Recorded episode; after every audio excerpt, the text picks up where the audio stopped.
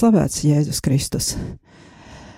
Šodien 14. oktobris, pirmdiena, un savu skanējumu sāk septītais, piektās sezonas raidījums vairāk tevis manī. Ar jums kopā ētrā, kā parastais, Sandra Prēsa. Kā jūs noteikti zināt, un labi atcerieties, Pāvests oktobri ir izsludinājis par ārkārtējo misiju mēnesi. Tātad bez tā, ka oktobris vienmēr mums ir rožkronim veltīts mēnesis, tātad šogad tas ir arī īpašā veidā pasludināts par misiju mēnesi. Un tādēļ oktobra mēnesī galvenā caurvīja tēma Radio Marija Latvija raidījumos ir dažādi skatījumi uz kristīgo misiju un uz misiju vispār. Tātad raidījums vairāk tevis manī palīdzēs jums nedaudz ielūkoties tajā, uz kādu misiju pasaulē ir aicināts Dominikāņu jeb sprediķotāju ordenis. Tomēr pirms lūdzamies mm, ziņa, kura nav tieši saistīta ar Dominikāņu misiju, bet varētu teikt, ka tā ir saistīta ar katra kristieša misiju nest mieru pasaulē. Jau iepriekšējā raidījumā mēs runājām par to, ka Turcija Sīrijas ziemeļos bombardē vietas, kurās ir apmetušies kristiešu bēgļi. Viņi piesaistās ar ļoti cēliem mērķiem. Viņi saka, tur dzīvo kurdi, kuri tur ir bīstami, apbruņoti, lai gan kurdi bija vieni no tiem, kuri cīnījās pret uh, islāma valsti un palīdzēja to sakaut. Uh, bet tā kā turkiem pašiem ir problēmas savā zemē ar kurdiem, viņi tiek apspiesti, nu tad viņi tagad piesadzoties ar to, ka vajagot tos kurdus no turienes padzīt un likvidēt un atbrīvot vietu kristiešiem, jo kristiešu bēgļi ir samukuši Turcijā, un Turcija īpaši vēlas ar viņiem nodarboties. Viņi gribētu tagad tā kā izdzīt kurdus no tās Ziemeļsīrijas ārā un salikt tur visus kristiešu bēgļus. Bet ir tāda lieta, ka tur jau ir kristiešu bēgļi, kuri tur ir sabēguši no Sīrijas citiem reģioniem. Un tagad, kad tiek bombardēta šī Sīrijas ziemeļdaļa, uh, iet bojā nevainīgi cilvēki, un kristiešiem atkal ir problēmas. Viņiem nav kur palikt, un tur, protams, iet bojā arī kurdu mierīgie iedzīvotāji, jo ne jau visi tur ir apbruņoti. Un tā tad mūsu, mūsu rūpes, mūsu miera misija ir lūkšana. Šodien Eiropas parlamenta sociālistu un demokrātu grupa publicēja šādu ziņu. Tā kā Turcija turpina ofensīvu Sīrijā, nogalināto civilu iedzīvotāju skaits pieaug. Nedēļas nogalē Turcijas atbalsta grupa nogalināja sievieti politiķi, cilvēktiesību aizstāvi Hevrinu Halafu. Viņa bija Sīrijas nākotnes partijas ģenerālsekretāre un tika nošauta turku militārās operācijas laikā pret kurdu militāriem spēkiem Sīrijas ziemeļaustrumos. Hevrina Halafa, kurdu izcelsmes politiķe, bija pazīstama ar savu stingro nostāju sieviešu, minoritāšu un cilvēku tiesību jautājumos. Viņa ar savu piemēru rādīja, ka ir iespējams miermīlīgs dialogs kurdu, arābu un kristiešu starpā. Šī traģēdija rāda, cik dziļa destabilizācija pašlaik ir Sīrijā un cik ļoti ir nepieciešama steidzama starptautiskās sabiedrības iejaukšanās, lai apturētu civilu iedzīvotāju nogalināšanu. Mēs aicinām Eiropas Savienību un tās politiskos partnerus apturēt Turcijas kara darbību un palīdzēt noregulēt attiecības ar kurdiem miera ceļā. Citāta beigas. Un tur bija minēts, ka šī nogalinātā politiķa ir cīnījusies par minoritāšu tiesībām, bet es gribu precizēt, ka ar minoritātēm šajā gadījumā ir domāti kristieši un dažādas nacionālās minoritātes, kā piemēram kurdi, asīrieši, armēņi, jezīdi. Šeit nav runas par seksuālajām minoritātēm un arī par karojošo feminismu. Austrumos šādu problēmu pagaidām nepazīst. Savukārt, lai mēs nepaliktu tikai uz šī te bēdīgā toņa, par ko gan mēs atcerēsimies, kad lūksimies, ir arī ļoti laba ziņa no austrumu reģiona. Arābu Emirāti, lai veiktu savu ieguldījumu konflikta seku risināšanā, ne tikai Sīrijā, bet vispār tuvajos austrumos, 10. oktobrī ir parakstījuši līgumu ar UNESCO par Mosulas kultūras mantojuma atjaunošanu, kuru sagrāva Islāma valsts kaujinieki. Irākas teritorijā, Mosulā, senā kristiešu reģionā tiks restaurētas divas mošejas, viens jezīdu templis un divas kristiešu baznīcas. Kopumā eh, Arābu Emirāti tam piešķir 50,4 miljonus ASV dolāru. Līgumu parakstīja Arābu Emirātu kultūras un izglītības ministre Nora bin Mohamed Al-Kābi un UNESCO ģenerālsekretāra Audrija Azulē klātesot arī Arābu Emirātu vēstniekam Francijā un Dominikāņu ordeņa pārstāvjiem no Francijas provinces, tā skaitā arī provinces priekšnieks tur bija. Kāpēc? Jo viena no atjaunojamām celtnēm būs Dominikāņu būvētā stundu, jeb pulksteņa diamātes baznīca. Tāds interesants tituls - stundu diamāte. Arābu Emirātu ministri teica, sākot sadarbību ar UNESCO un atjaunojot seno Altaheras baznīcu, kura ir viena no senākajām baznīcām Mosulā, jo tās sākumi meklējami 7. gadsimtā, un Dominikāņu brāļu celto pulksteņu diamāts baznīcu, katoļu baznīcu, Arābu Emirāti ir pirmā valsts pasaulē, kura atjauno kristiešu baznīcas Irākā. Šīs dienas līguma parakstīšana ir vēl nebijusi partnerība, kura sūta gaismas vēsti šajos tumšajos laikos. Atjaunojot daļiņu no vēstures, Irāka varēs veidot savu nākotni kā iekļaujoša, toleranta un atvērta sabiedrība, kuras taustāma izpausme manifestējas Mosulas vēsturisko vietu bagātībā. Tā runāja Arābu Emirātu ministre. Citāta beigas.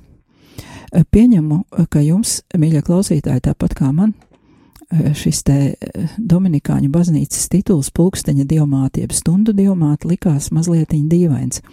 Taču es paskatījos vēsturē, kur tas ir cēlies. Tas ir saistīts ar baznīcas būvēšanas vēsturi, jo 1860. gadā pēc kristiešu genocīda Damaskā, kurš paņēma 4 līdz 6 tūkstošus dzīvību, Napoleons III sūtīja karaspēku uz Levanti, lai palīdzētu austrumu kristiešiem. 1867. līdz 1870. gados tur tika uzbūvēta Dominikāņu baznīca, un tā bija pirmā kristiešu baznīca tuvajos austrumos, kurai bija arī augsts tornis.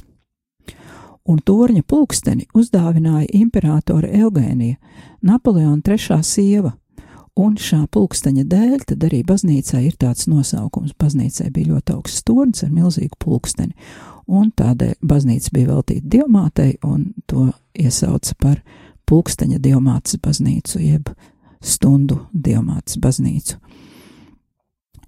Bet eh, tagad eh, palūksimies, un tad turpināsim tēmu, ko iesākām pagājušajā reizē - misija Dominikāņu galmē. Dieva tēva un dēla un svētā gara vārdā Āmen. Tēvs, mēs tevi lūdzam par mieru pasaulē. Palīdzi atrisināt globālos konfliktus miera ceļā un sargi savus vajātos bērnus visā pasaulē. Mēs lūdzam par bēgļiem, par tiem, kuri ir zaudējuši visu - dzimteni, mājas, tuviniekus, darbu un iespēju strādāt un nopelnīt iztiku. Mēs lūdzam par tiem, kuri svešumā tiek uzskatīti par otrās šķirs cilvēkiem un cieši no slēpta vai atklāta rasisma. Mēs lūdzam, lai cilvēki varētu brīvi paust savu ticību un netiktu vajāti savu uzskatu dēļ. Mēs lūdzam, lai bēgļi varētu atgriezties savās mājās, un lai kristieši varētu dzīvot savās vēsturiskajās teritorijās, lai kristietība netiktu padzīta no tuvajiem austrumiem, kur ir kristietības dzimtene. Tās uzklausa mūsu lūgšanu, un mūsu sauciens, lai nonāk pie tevis. Tēvs mūsu, kas esi debesīs, svētīts, lai top tavs vārds, lai atnāk tava valstība, tavs prāts, lai notiek kā debesīs, tā arī virs zemes. Mūsu dienascho maizi dod mums šodien, un piedod mums mūsu parādus, kā arī mēs piedodam saviem parādniekiem, un neieved mūsu kārdināšanā, bet atpestī mūs no ļaunā. Āmen!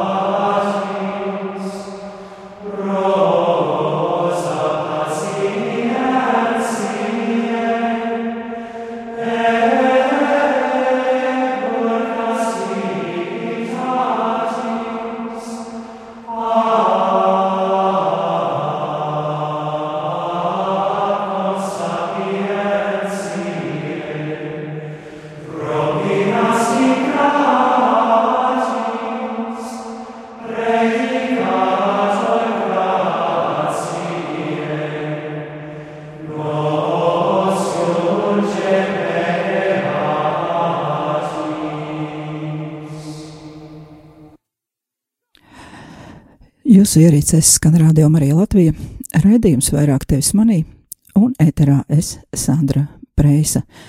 Tikko noklausījāmies Dominikāņu lūgšanu svētajam Dominikam, un tie, kuri zina šo dziesmu, jeb lūgšanu, vai, vai vismaz dziļ, dziļāk ieklausījās, tātad mēs lūdzāmies kopā ar Amerikas studiju mājas no Vašingtonas Dominikāņu priesteriem un studentiem un tā bija lūkšana Olumen, eh, kura ir Dominikāņu tradicionālā lūkšana svētajam Dominikam.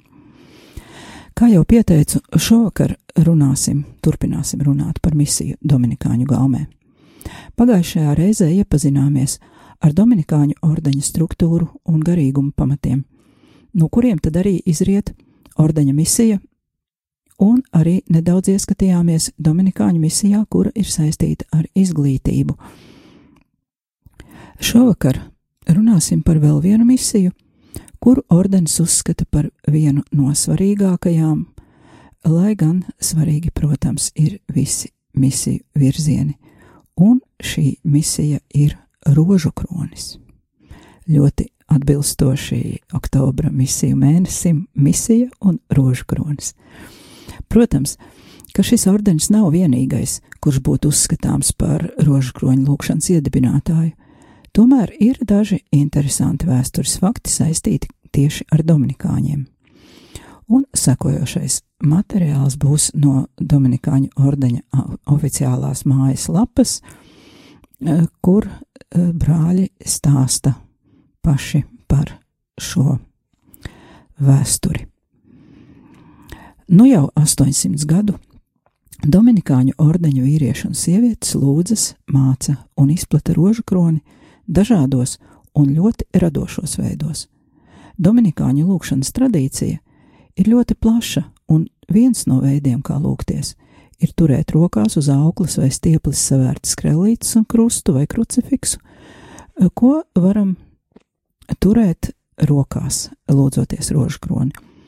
Un tagad iedomāsimies dimantu. Lai tas mirdzētu, ir nepieciešams gaismas avots, stari, kas to apgaismo un atstarojas. Līdzīgi ir ar rožu kroni. Gaismas avots, kas rožu kroņa krellēm liek atdzīvoties, ir pats Jēzus Kristus. Jāņa evanģēlijā 8.12. pats Jēzus ir teicis: Es esmu pasaules gaisma.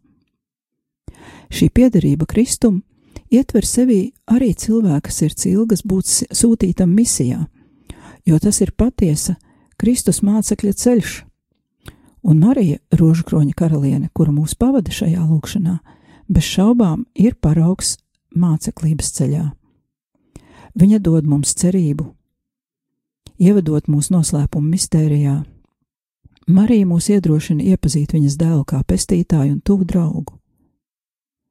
Kad esam misijā, kurā mūs ir sūtījis pats Kristus, ar rožkroņa lūkšanas palīdzību mēs izpildām sludināšanas misiju. Kad mēs sakām Dominikāņu lūdzas rožkroni, tas nozīmē, mēs sludinām Dieva vārdu, dzīvo Dievu. Rožkroņa lūkšanas ir saistītas arī ar svētceļojumiem, procesijām, lūkšanu sapulcēm, konferencēm, brālībām un dažādām citām dievības formām, kurās tiek iekļauta rožkroņa lūkšana. Labums, ko šī misija ir devusi gadsimtu gaitā, nav izmērāms.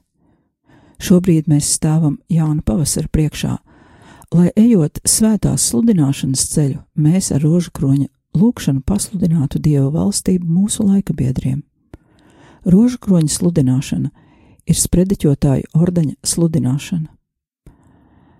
Apzinoties šo patiesību, mēs varam ar Dieva žēlastību atrast jaunus sludināšanas veidus un stratēģijas, lai atklātu un pasludinātu pašu rožu kroņa dziļāko būtību, kas ir atrodama personīgās attiecībās ar Kristu, viņa iemiesošanos noslēpumos.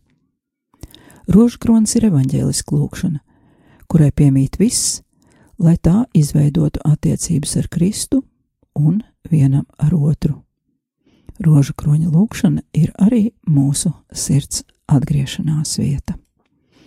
Tā raksta brāļi par rožu kroni, bet tagad atkal Dominikāņu misijas eh, muzikālās sludināšanas daļa.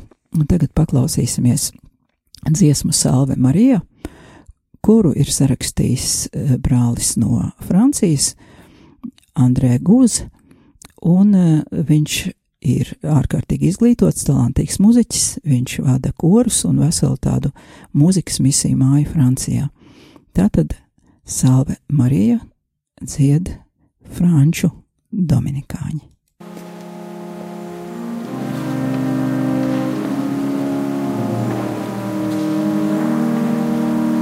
Salut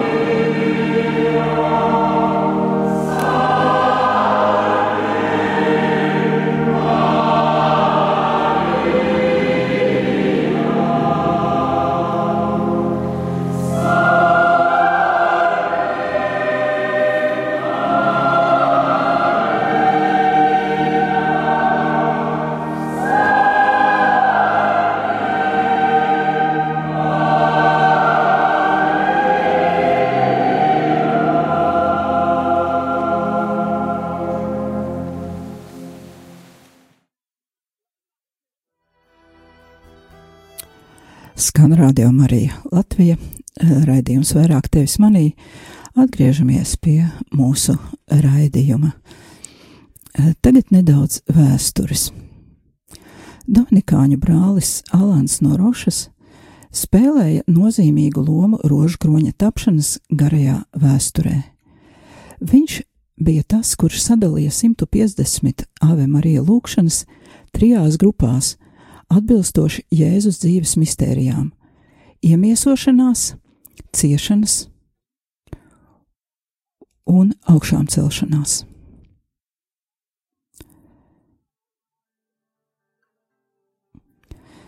Kā jau sludinātājs, viņš izplatīja šo lūkšanu kristīgās tautas vidū.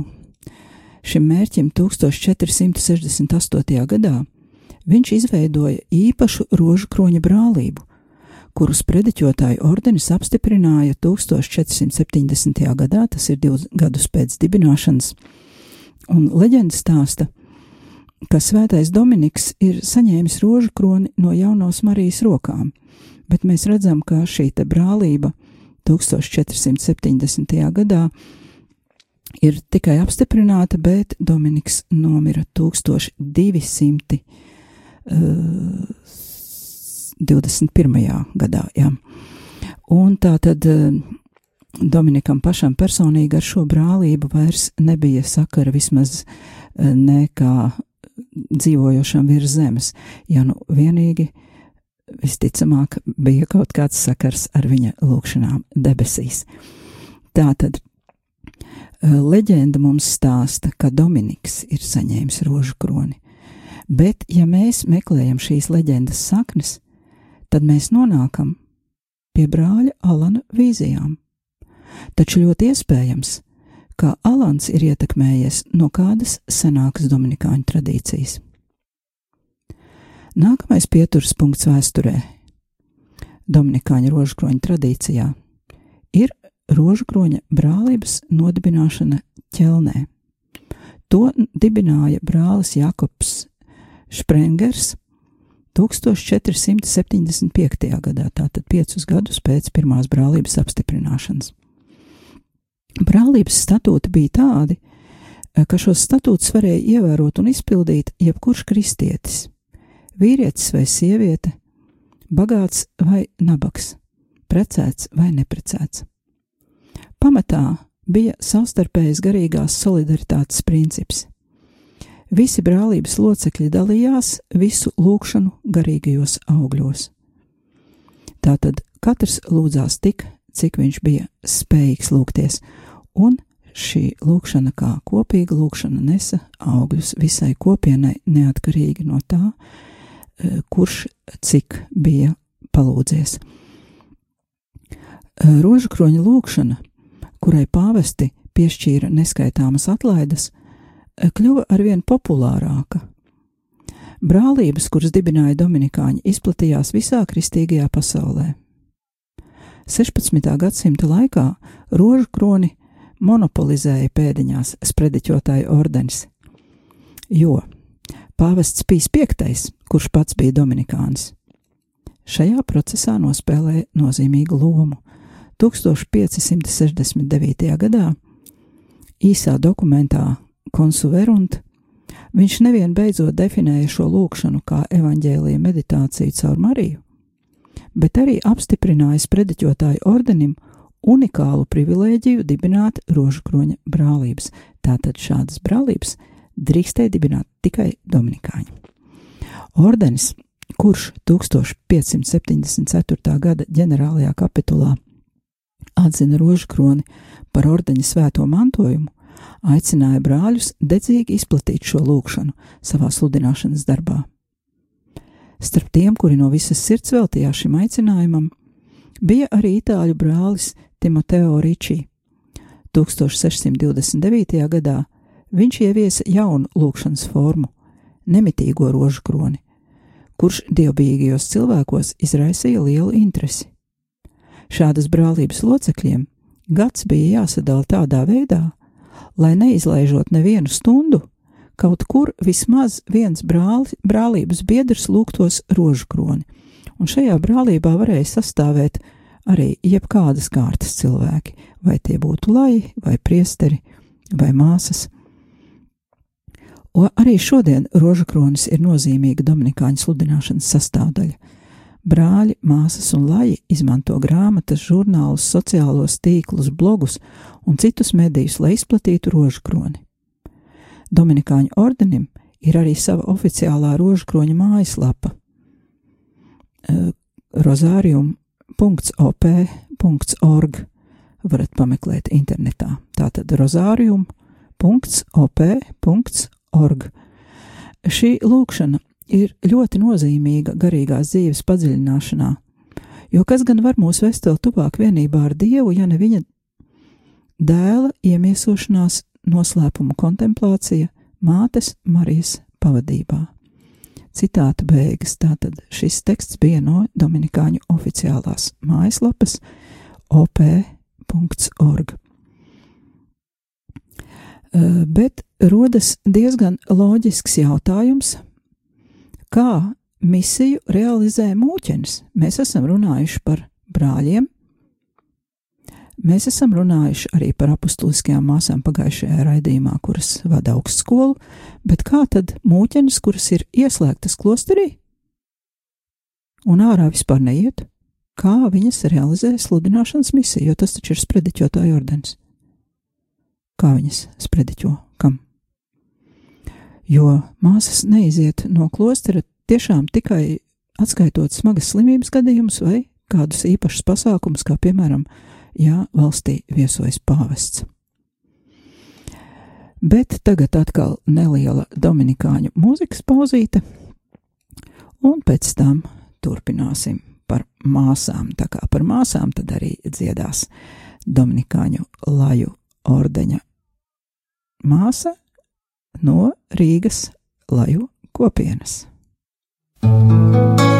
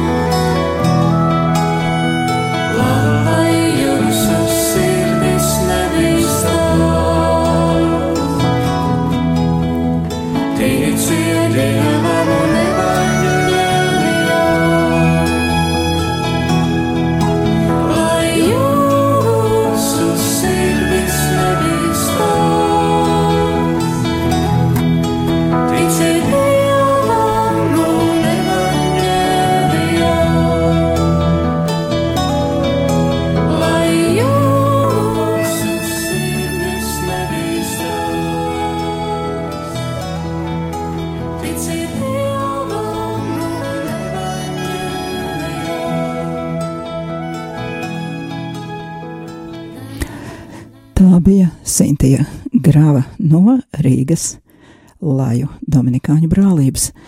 Jā, viena no sludināšanas misijas metodēm Dominikāņiem noteikti ir mūzika.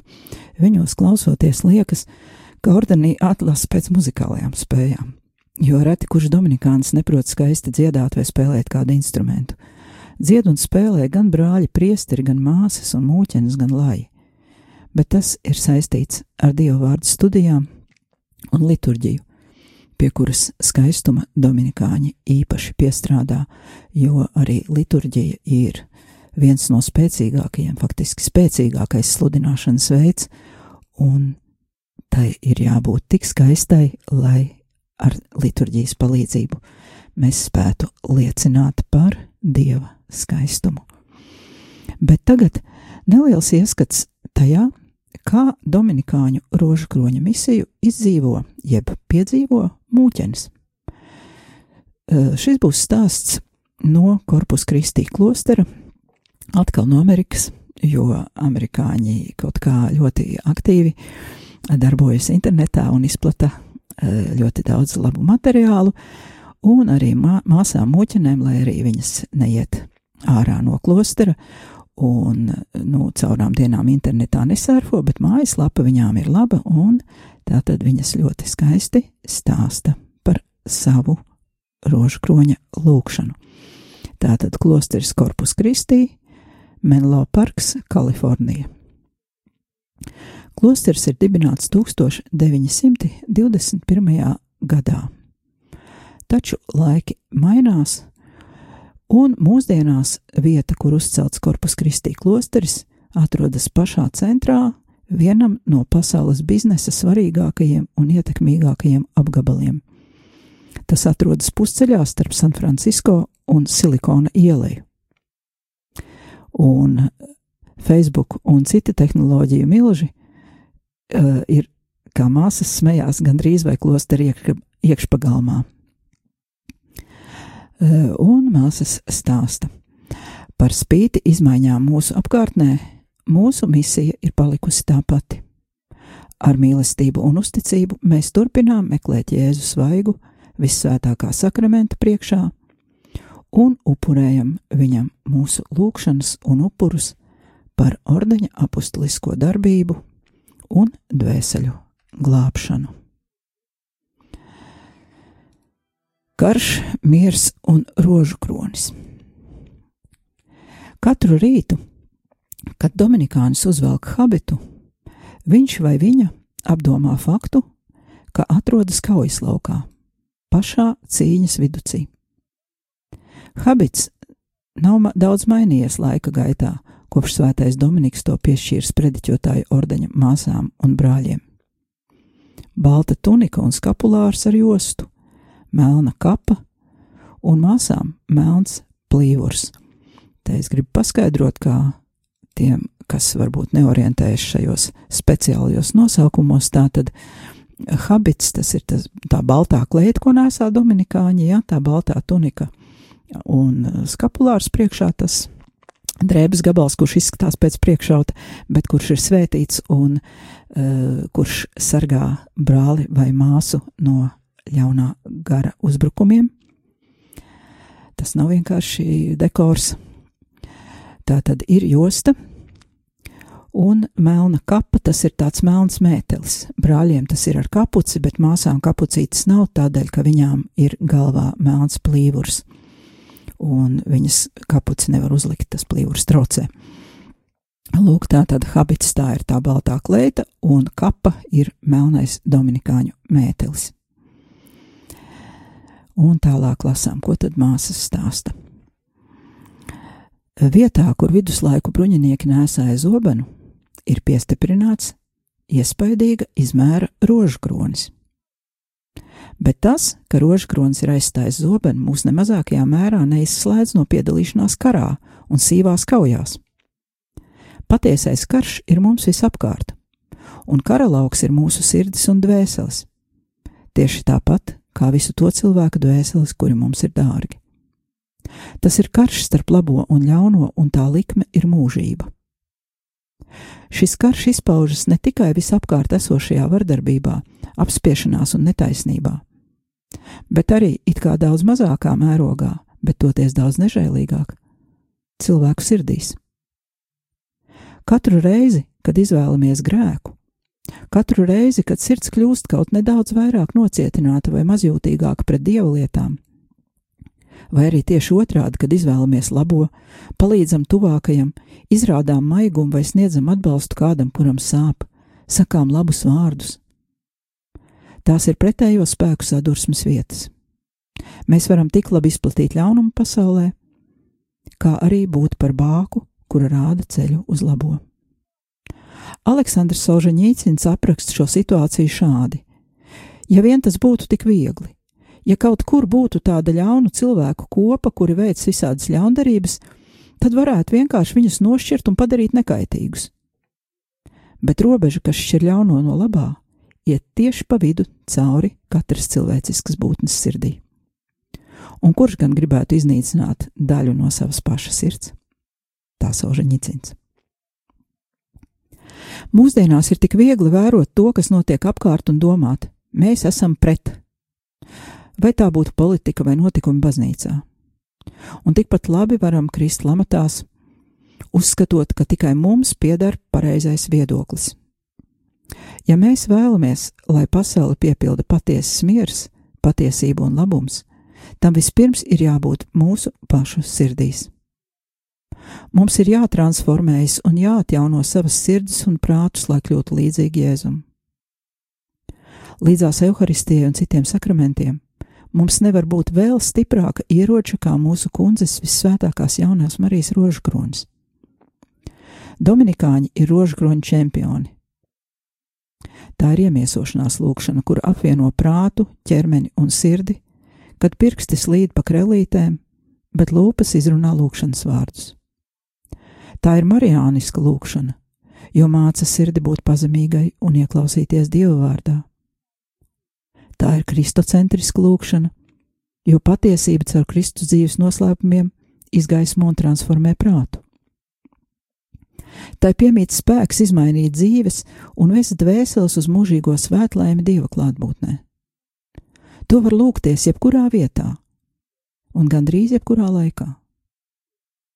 Bēdu laikā mēs varam pārdomāt sāpīgos noslēpumus un savienot savas sāpes ar Jēzus un Marijas sāpēm. Priecīgie noslēpumi mums atklāja to, kas mūs dara pa īstam laimīgus, uz ko mums vajadzētu tiekties un kādēļ pūlēties. Bet augstās godības daļa dāvā mums cerību un drosmi izturēt līdz galam. Mums nav cerība palikt maliņā kā vērotājiem un neiesaistīties šajā karā. Neitrāla zona nepastāv. Roža kronis ir varens ierocis mūsu ikdienas garīgajās kaujās. Ja mēs vēlamies mieru pasaulē, kurā dzīvojam, mūsu valstī, mūsu kopienās, mūsu ģimenēs, mūsu sirdīs, mums ir jāņem rokās ieroči, kurus Dievs mums ir devis, jāstāv stingri un jācīnās. Un katras cīņas sākums ir mūsu pašu iekšienē. Rožu kroņa karaliene, lūdz par mums! Tas ir citāta beigas. Gribu vienīgi piemetināt, ka arī Latvijā sen atpakaļ, nu jau vairāk nekā 25 gadi būs pagājuši, Dominikāņu priesteris Vilhelms Lapelis ir arī dibinājis rožkroņa brālību, nemitīgais rožkronis šī brālība joprojām pastāv. Un katru stundiņu, ik katru stundu kāds visā Latvijā lūdzas rožu kroni, vismaz viens cilvēks. Un es arī aicinu mm, uz šo. Tātad šis aicinājums ir tāds vispārējs. Šī rožkroņa brālība uh, ir, nu, kā lai saka, tā ir, tā ir jebkuram cilvēkam iespējama, un uh, es aicinu padomāt, vai varbūt kāds no jums arī labprāt iesaistītos šajā brālībā. Šī brālība reizi mēnesī tiekas uz kopīgu rožkroņu lūgšanu un agapi kādā no baznīcām, parasti Rīgā, bet nu nevienmēr Rīgā. Un eh, šīs tikšanās nav obligātas, obligāta, nu, iespēja robežās vēlami obligāta ir šī viena stunda, jo eh, nemitīgā rožkroņa princips ir neviena stunda bez lūkšanas. Un galvenais nodoms šim te nemitīgajam rožkronim ir par mūsu Latviju. Un tādēļ uh, katru stundu kāds lūdzas, un parasti dienas stundās ir vairāk lūdzēji katrā stundā, un visgrūtākais ir ar naktas stundām. Tur ir pa vienam, divam vai diviem cilvēkiem katrā stundiņā. Un ņemot vērā to, ka šī brālība pastāv jau 25 gadus, mm, cilvēki kļūst vecāki, cilvēki mirst, un brālībai ir vajadzīgi jauni lūdzēji. Tā kā eh, padomājiet, vai varbūt arī jūs jūtat aicinājumu piedalīties šādā nemitīgajā rožu kronī. Eh, atbildīgā par rožu kroni ir eh, katedrāls bibliotekāre Helēna Žigo, vai arī jūs varat rakstīt man uz e-pastu vairāk tevis mani gmail.com, un tad es varētu iedot jums Helēnas koordinātas, vai arī eh, caur radio Mariju varētu jums dot uh, kontaktus, lai jūs arī varētu iesaistīties šādā te rožkroņa lūkšanas brālībā. Bet tagad arī raidījumu beigsim. Novēlu jums Dievu svētītu nākamo nedēļu, un nākamajā raidījumā runāsim par to, kādu misiju veids Dominikāņu laji